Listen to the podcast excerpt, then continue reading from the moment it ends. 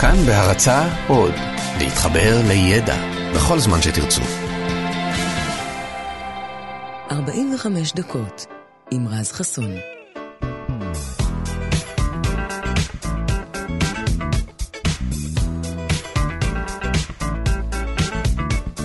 כאן תרבות, בוקר טוב לכם, 104.9, 105.3 FM, איזה כיף שבאתם.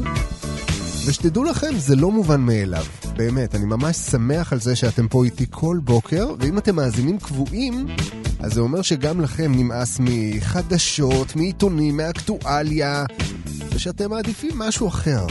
ולמרות זאת, הבוקר באופן חד פעמי, אני רוצה גם לפתוח עם סיפור פוליטי, אבל סיפור פוליטי מעניין, אז תנו לי רגע. אה, הוא לא ממש נוגע לפוליטיקה הישראלית, אבל אולי מזכיר אותה קצת. נבחרי הציבור שיושבים בבית המחוקקים לא תמיד זוכרים שהם שם בשבילנו, נכון? זה בערך הסיפור של כל פוליטיקה, לא יודע, בעולם. אה, שבה הנציגים שלנו שוכחים שהם אמורים לדאוג לנו. במקום זה הם בעיקר דואגים לעצמם. אז הדוגמה הכי טובה לתחושה הזו היא בעבודה ש- שהם עושים שם, בכנסת או בכל פרלמנט אחר, בעבודת החקיקה שהם יוזמים יום-יום, שאם במדינות מתוקנות החקיקה הזו נועדה להטיב ולהגן עלינו, האזרחים, הבוחרים, אז עם השנים נדמה שהמחוקקים עסוקים בעיקר בלחוקק חוקים שיגנו עליהם. כי אם הם עשו משהו או מתכוונים לעשות משהו שלא מתיישב עם החוק, אז מה יותר קל מלשנות את החוק? וזה קורה כל הזמן, כן? אנחנו שומעים על זה מדי יום, אבל אם חשבתם שהפוליטיקאים הישראלים המציאו את הטריק הזה, אז תדעו לכם שאנחנו לא עד כדי כך יצירתיים. אז אחת הדוגמאות הידועות בהיסטוריה לניצול עמדת כוח כזו כדי לשנות את החוק בצורה דרמטית, הייתה במאה ה-16 באנגליה, כשהמלך הנרי השמיני, לא פחות, רצה להתחתן עם המאהבת שלו. מה הבעיה? הבעיה הייתה שאחיו הגדול מת בטרם עת, ועל פי החוק, הנרי היה מחויב לייבם את אלמנתו של אחיו, כלומר להתחתן איתה כדי להעמיד לו שושלת, ויצא שאותה אלמנה הביאה לו בת, והוא מאוד מאוד רצה בן, כי מיותר לציין עד כמה בנות לא היו נחשבות בתקופה ההיא, בטח שלא בבתי מלוכה, כי הן הרי לא יכלו להמשיך את הכתר. ועכשיו אתם שואלים את עצמכם, נו, אז מה הבעיה? אז שיתגרש ויתחתן עם מי שהוא רוצה, כן? אבל כאן נכנסה הכנסייה הקתולית, שאתם יודעים מה דעתה בענייני אה, גירושין. התחתנתם, זהו, חתונה קתולית. זה נמשך עד המוות. והוא לא היה כל כך בעניין של אה, להרוג את אלמנת אחיו, אז הוא ניסה לחשוב מה לעשות, עד שהוא פתאום נזכר שיש לו גם כתר על הראש, ואמר, רגע, אני מלך, אני יכול לעשות הכל. ואז הוא פשוט החליט שהוא מייסד כנסייה חדשה, וככה נוסדה הכנסייה האנגליקנית, שהייתה זרם חדש בנצרות. אה, הכנסייה הקתולית ממש לא אהבה את זה. המלך, אגב, הנרי השמיני, שם את עצמו בראש הכנסייה הזאת, ומאותו הרגע הוא שינה את החוק ויכל לגרש ולשאת שוב ושוב את מי שהוא רק רצה. אגב, הסיפור הזה לא ממש החזיק, כי בסופו של דבר, אחרי שהוא התחתן עם המאהבת, ואחרי שהוא הביא ממנה ילד, בסוף הוא גם הוציא אותה להורג באשמת נעיפה. ניאוף. אתם מבינים? אז uh, לפחות, uh, uh, לא יודע, עוד זרם uh, נוצרי נולד מהסיפור הזה. אז הנה, השתלם, נכון? לא לגמרי פוליטיקה, לא לגמרי זה, הכל על הכיפאק. אנחנו 19 דקות אחרי השעה 6, אנחנו מתחילים 45 דקות מעניינות עם מוזיקה שערך לנו גדי לבנה. אלון מקלר פה המתמתח הוא טכנאי השידור, ירדן מרציאנו על התוכן, לי קוראים רז חסון, ואנחנו פותחים שלום. 45 דקות יוצאות לדרך. אנחנו כאן עד 7. תהנו.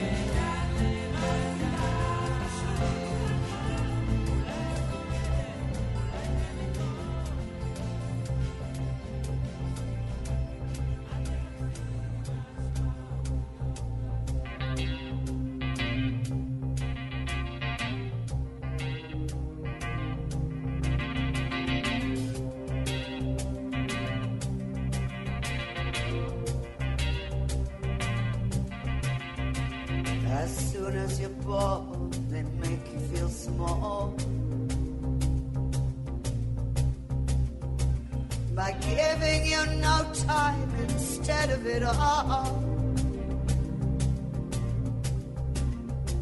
Till the pain is so big you feel nothing at all. A working class hero is something to be. A working class hero is something to be.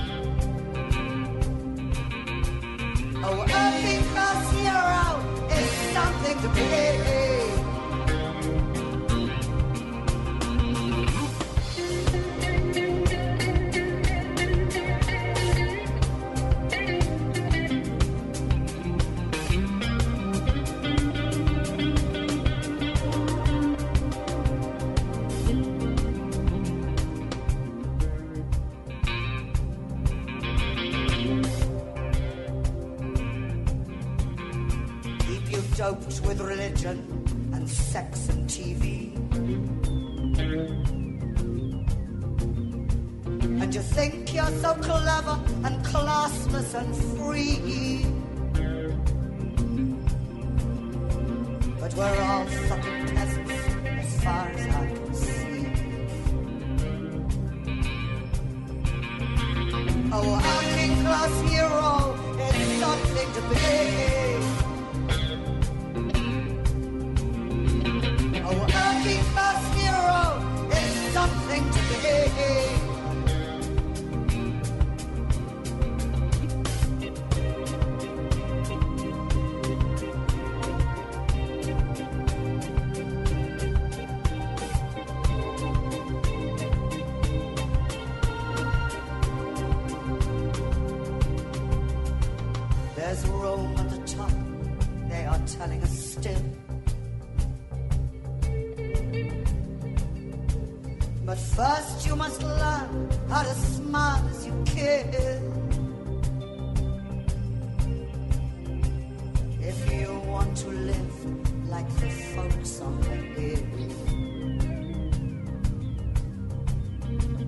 A Working class hero is something to be.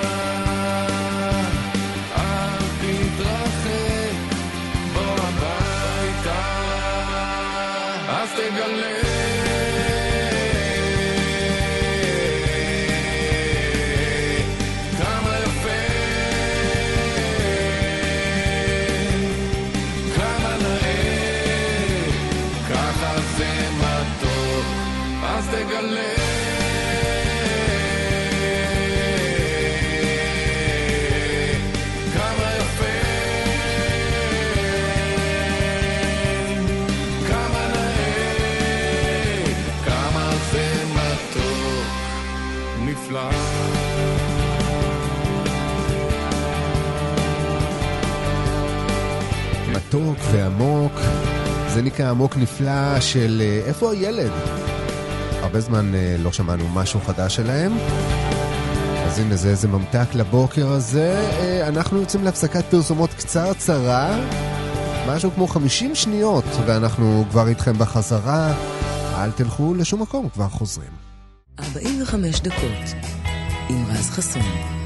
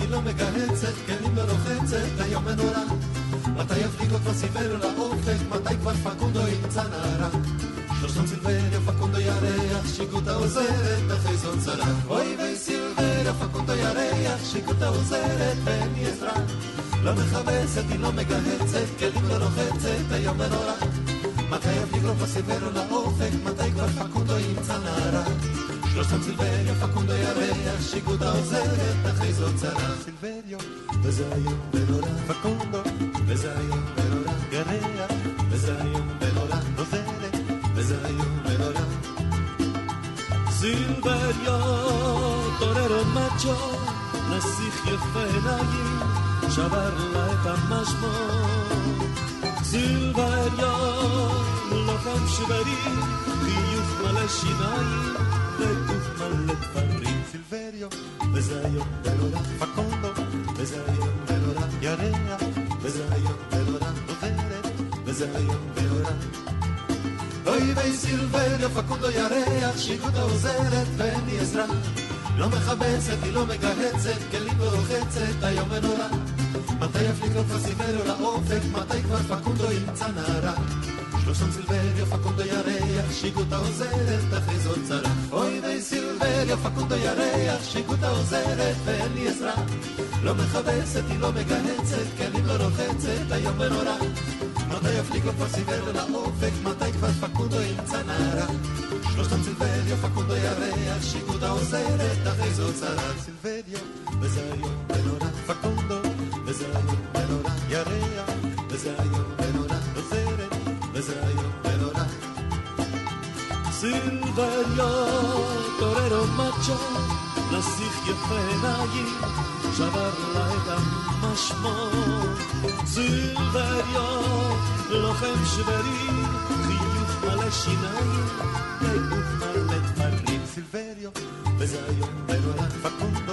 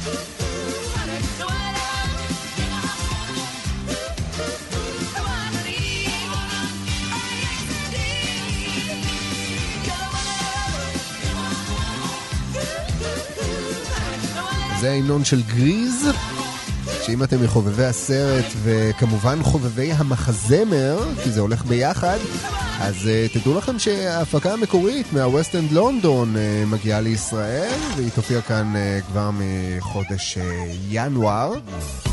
אז אתם אה, לגמרי מוזמנים לעשות אה, משהו עם המידע הזה, אם אתם חובבים, אז אל, אה, אל תפספסו. Um, תמיד אהבתי סדרות כלא, אתם יודעים? זה אחד הז'אנרים הבאמת מעניינים שיש. לדעתי, אם זה עוז או כתום זה השחור החדש, יש משהו מאוד מרתק בעולם הזה של הכלא, שהוא בעצם לא העולם החיצוני שאנחנו חיים בו. לכלא יש מערכת חוקים משלו ונורמות חברתיות משלו, והן לא בהכרח זהות בין כלא אחד לאחר. כל כלא הוא כאילו עולם בפני עצמו. אוכלוסיות אחרות, עם תמהיל אחר, וזה מעניין מאוד. ולמרות שהשוני הגדול בין החיים שמאחורי הסורגים לבין החיים החופשיים כאן בחוץ הוא די גדול, יש גם uh, נקודות השקה כאלה, כי בכל זאת, בנושאים מסוימים צריכה להיות אחיזה של עולם הכלא לעולם הזה, משהו צריך עדיין לחבר את העולמות.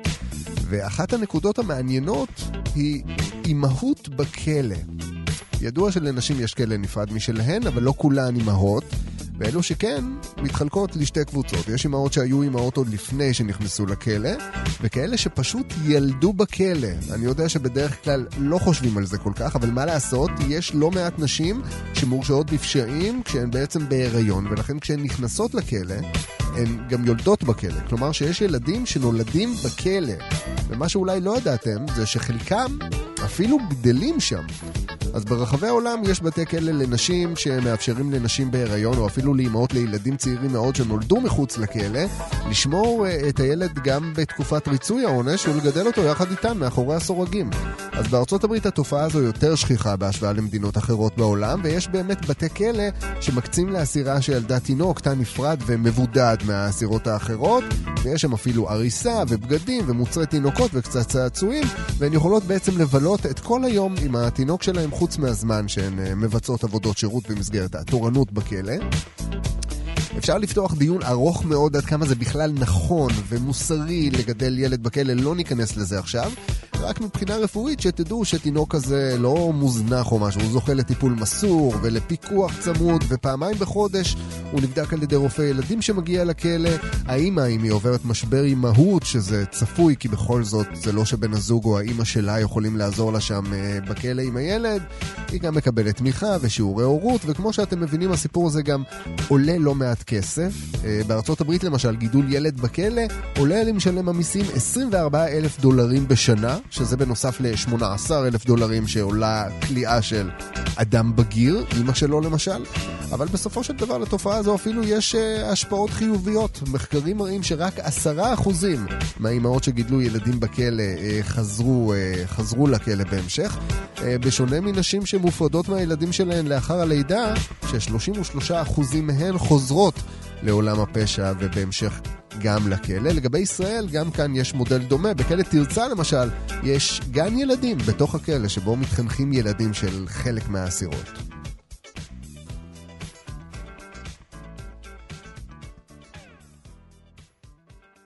שיר, בבקשה. שיר, אנחנו נשמע. או, תודה. מסמרים ונוצות, מיכה שטרית. פעם יכולתי לבלוע כדור ארץ שלם. רכבתי על אופניים כשעדיין באוויר. פעם הייתי חיה ואת היית מותק. פעם חייתי באמת. פעם היית קרובה אליי, עכשיו את מתרחקת. פעם היית פחות בוכה ויותר צוחקת. פעם כשהיית שמחה, היית רוקדת. פעם חיית באמת.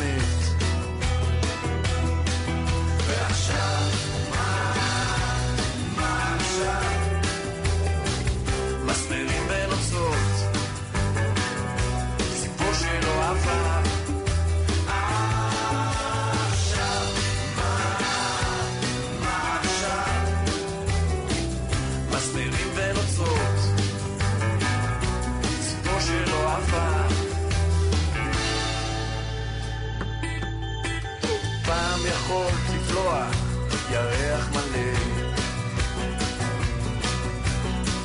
לא אכל ציפורניים היית שורטת. התלבשת באור מולי, עכשיו את מתביישת. פעם היית באמת. פעם יכולתי לומר לך, הרי את מקודשת. החפשתי את הכוס ואספתי את הבית. פעם היית יכולה לסובב אותי על אצבע. פעם היית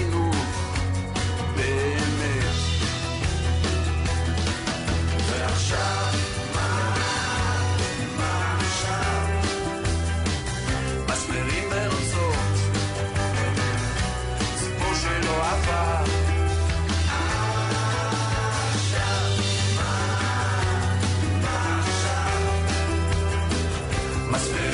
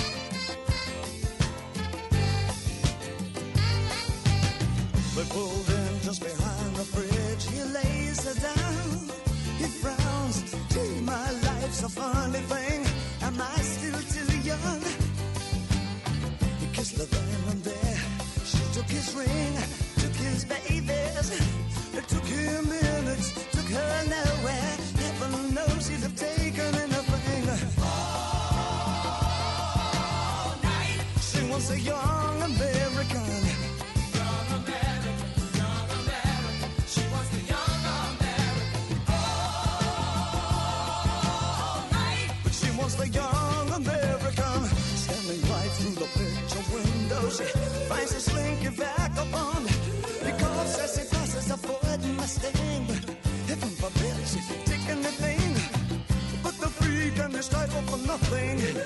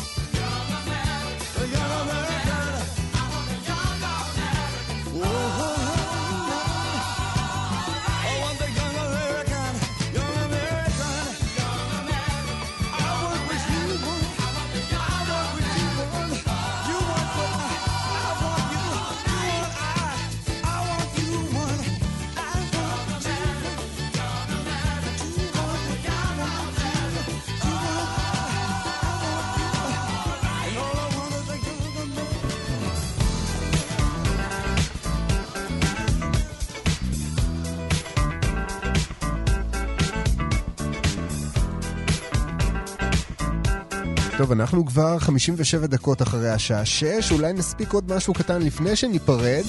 אה, אחד הטרנדים הכי גדולים שהיו בתקופה שאני הייתי ילד, אה, אולי זה נחשב גם היום לטרנד, אני לא יודע, לדעתי ילדים מתלהבים היום מדברים קצת אה, פחות צנועים. אה, היו מדבקות זוהרות. אתם זוכרים אותן? הן היו מגיעות בכל מיני שבלונות, בצורה של ירח וכוכבים וגיבורי על, וכל מה שהיינו צריכים כדי לגרום להן לזרוח היה פשוט להדליק את האור בחדר למשך כמה דקות, ואז פשוט לכבות אותו, והן היו מתחילות לזרוח בחושך. עכשיו, כילד זה תמיד שיגע אותי איך הדבר הזה עובד, וכשהתבגרתי, אז התחלתי אפילו לחשוד שאולי יש פה עניין של חומרים רדיואקטיביים, שזה קצת אה, מדאיג, אבל מתברר שזה קשור לחומר מדאיג לא פחות. כדי להבין איך זה עובד, אנחנו צריכים לדבר... קצת על פיפי. כן, כן, פיפי. הרעיון שמאחורי המדבקות הזוהרות התחיל כבר במאה ה-18, כשבחור קצת משונה, בשם הניד ברנג, התעניין קצת יותר מדי בשתן שלו, והוא התחיל להתעסק איתו ולעשות איתו ניסויים, ובאחד מהם הוא אגר כמות רצינית מאוד של שתן, וחיכה יפה יפה ששתן יעשה את מה שהוא נוטה לעשות אחרי כמה זמן, להסריח. את הנוזלים האלה הוא צמצם לחומר משחתי כזה, שאותו הוא אחר כך הרתיח, מתוך ציפייה, שימו לב, שהעדים של השתן יהפכו לזהב. למה? אני לא יודע. אבל הוא כנראה היה נחוש מאוד לברר את זה, אז את העדים הוא אסף והקפיא וגילה למרבה ההלם שזהב לא יצא לו מזה, אבל במקום זה הוא קיבל סוג של חומר לבן שמפיץ זוהר עמום כזה. וכך בעצם התגלה הזרחן, שהייתה לו תכונה מופלאה. הוא היה מסוגל לבלוע אור ואז לפלוט אותו. אז אני לא אכנס איתכם יותר מדי לעומק הפרטים הכימיים, אבל העיקרון הוא שקשרים בין אטומים הם עניין של אנרגיה, והאטומים שמרכיבים את החומרים אה, מתחברים כמו חתיכות של פאזל שכמעט מתאימות, ורק עודף קטן של אנרגיה מפריע להם לשבת כמו שצריך. וכשהעודף הזה משתחרר, אז הוא משתחרר בצורה של אור. אז אל תדאגו, אין לכם שתן במדבקות. באמת שלא. אה, היום זה משהו קצת יותר סינתטי. אז הנה, זה גם משהו מרגיע. אנחנו מסיימים כאן, אז תודה רבה לגדי לבני על המוזיקה, תודה רבה לאלון מקלר טכנאי השידור, ירדן מרציאנו על התוכן, ולכם שהייתם איתנו. אנחנו נהיה כאן מחר, ביי ביי. Don't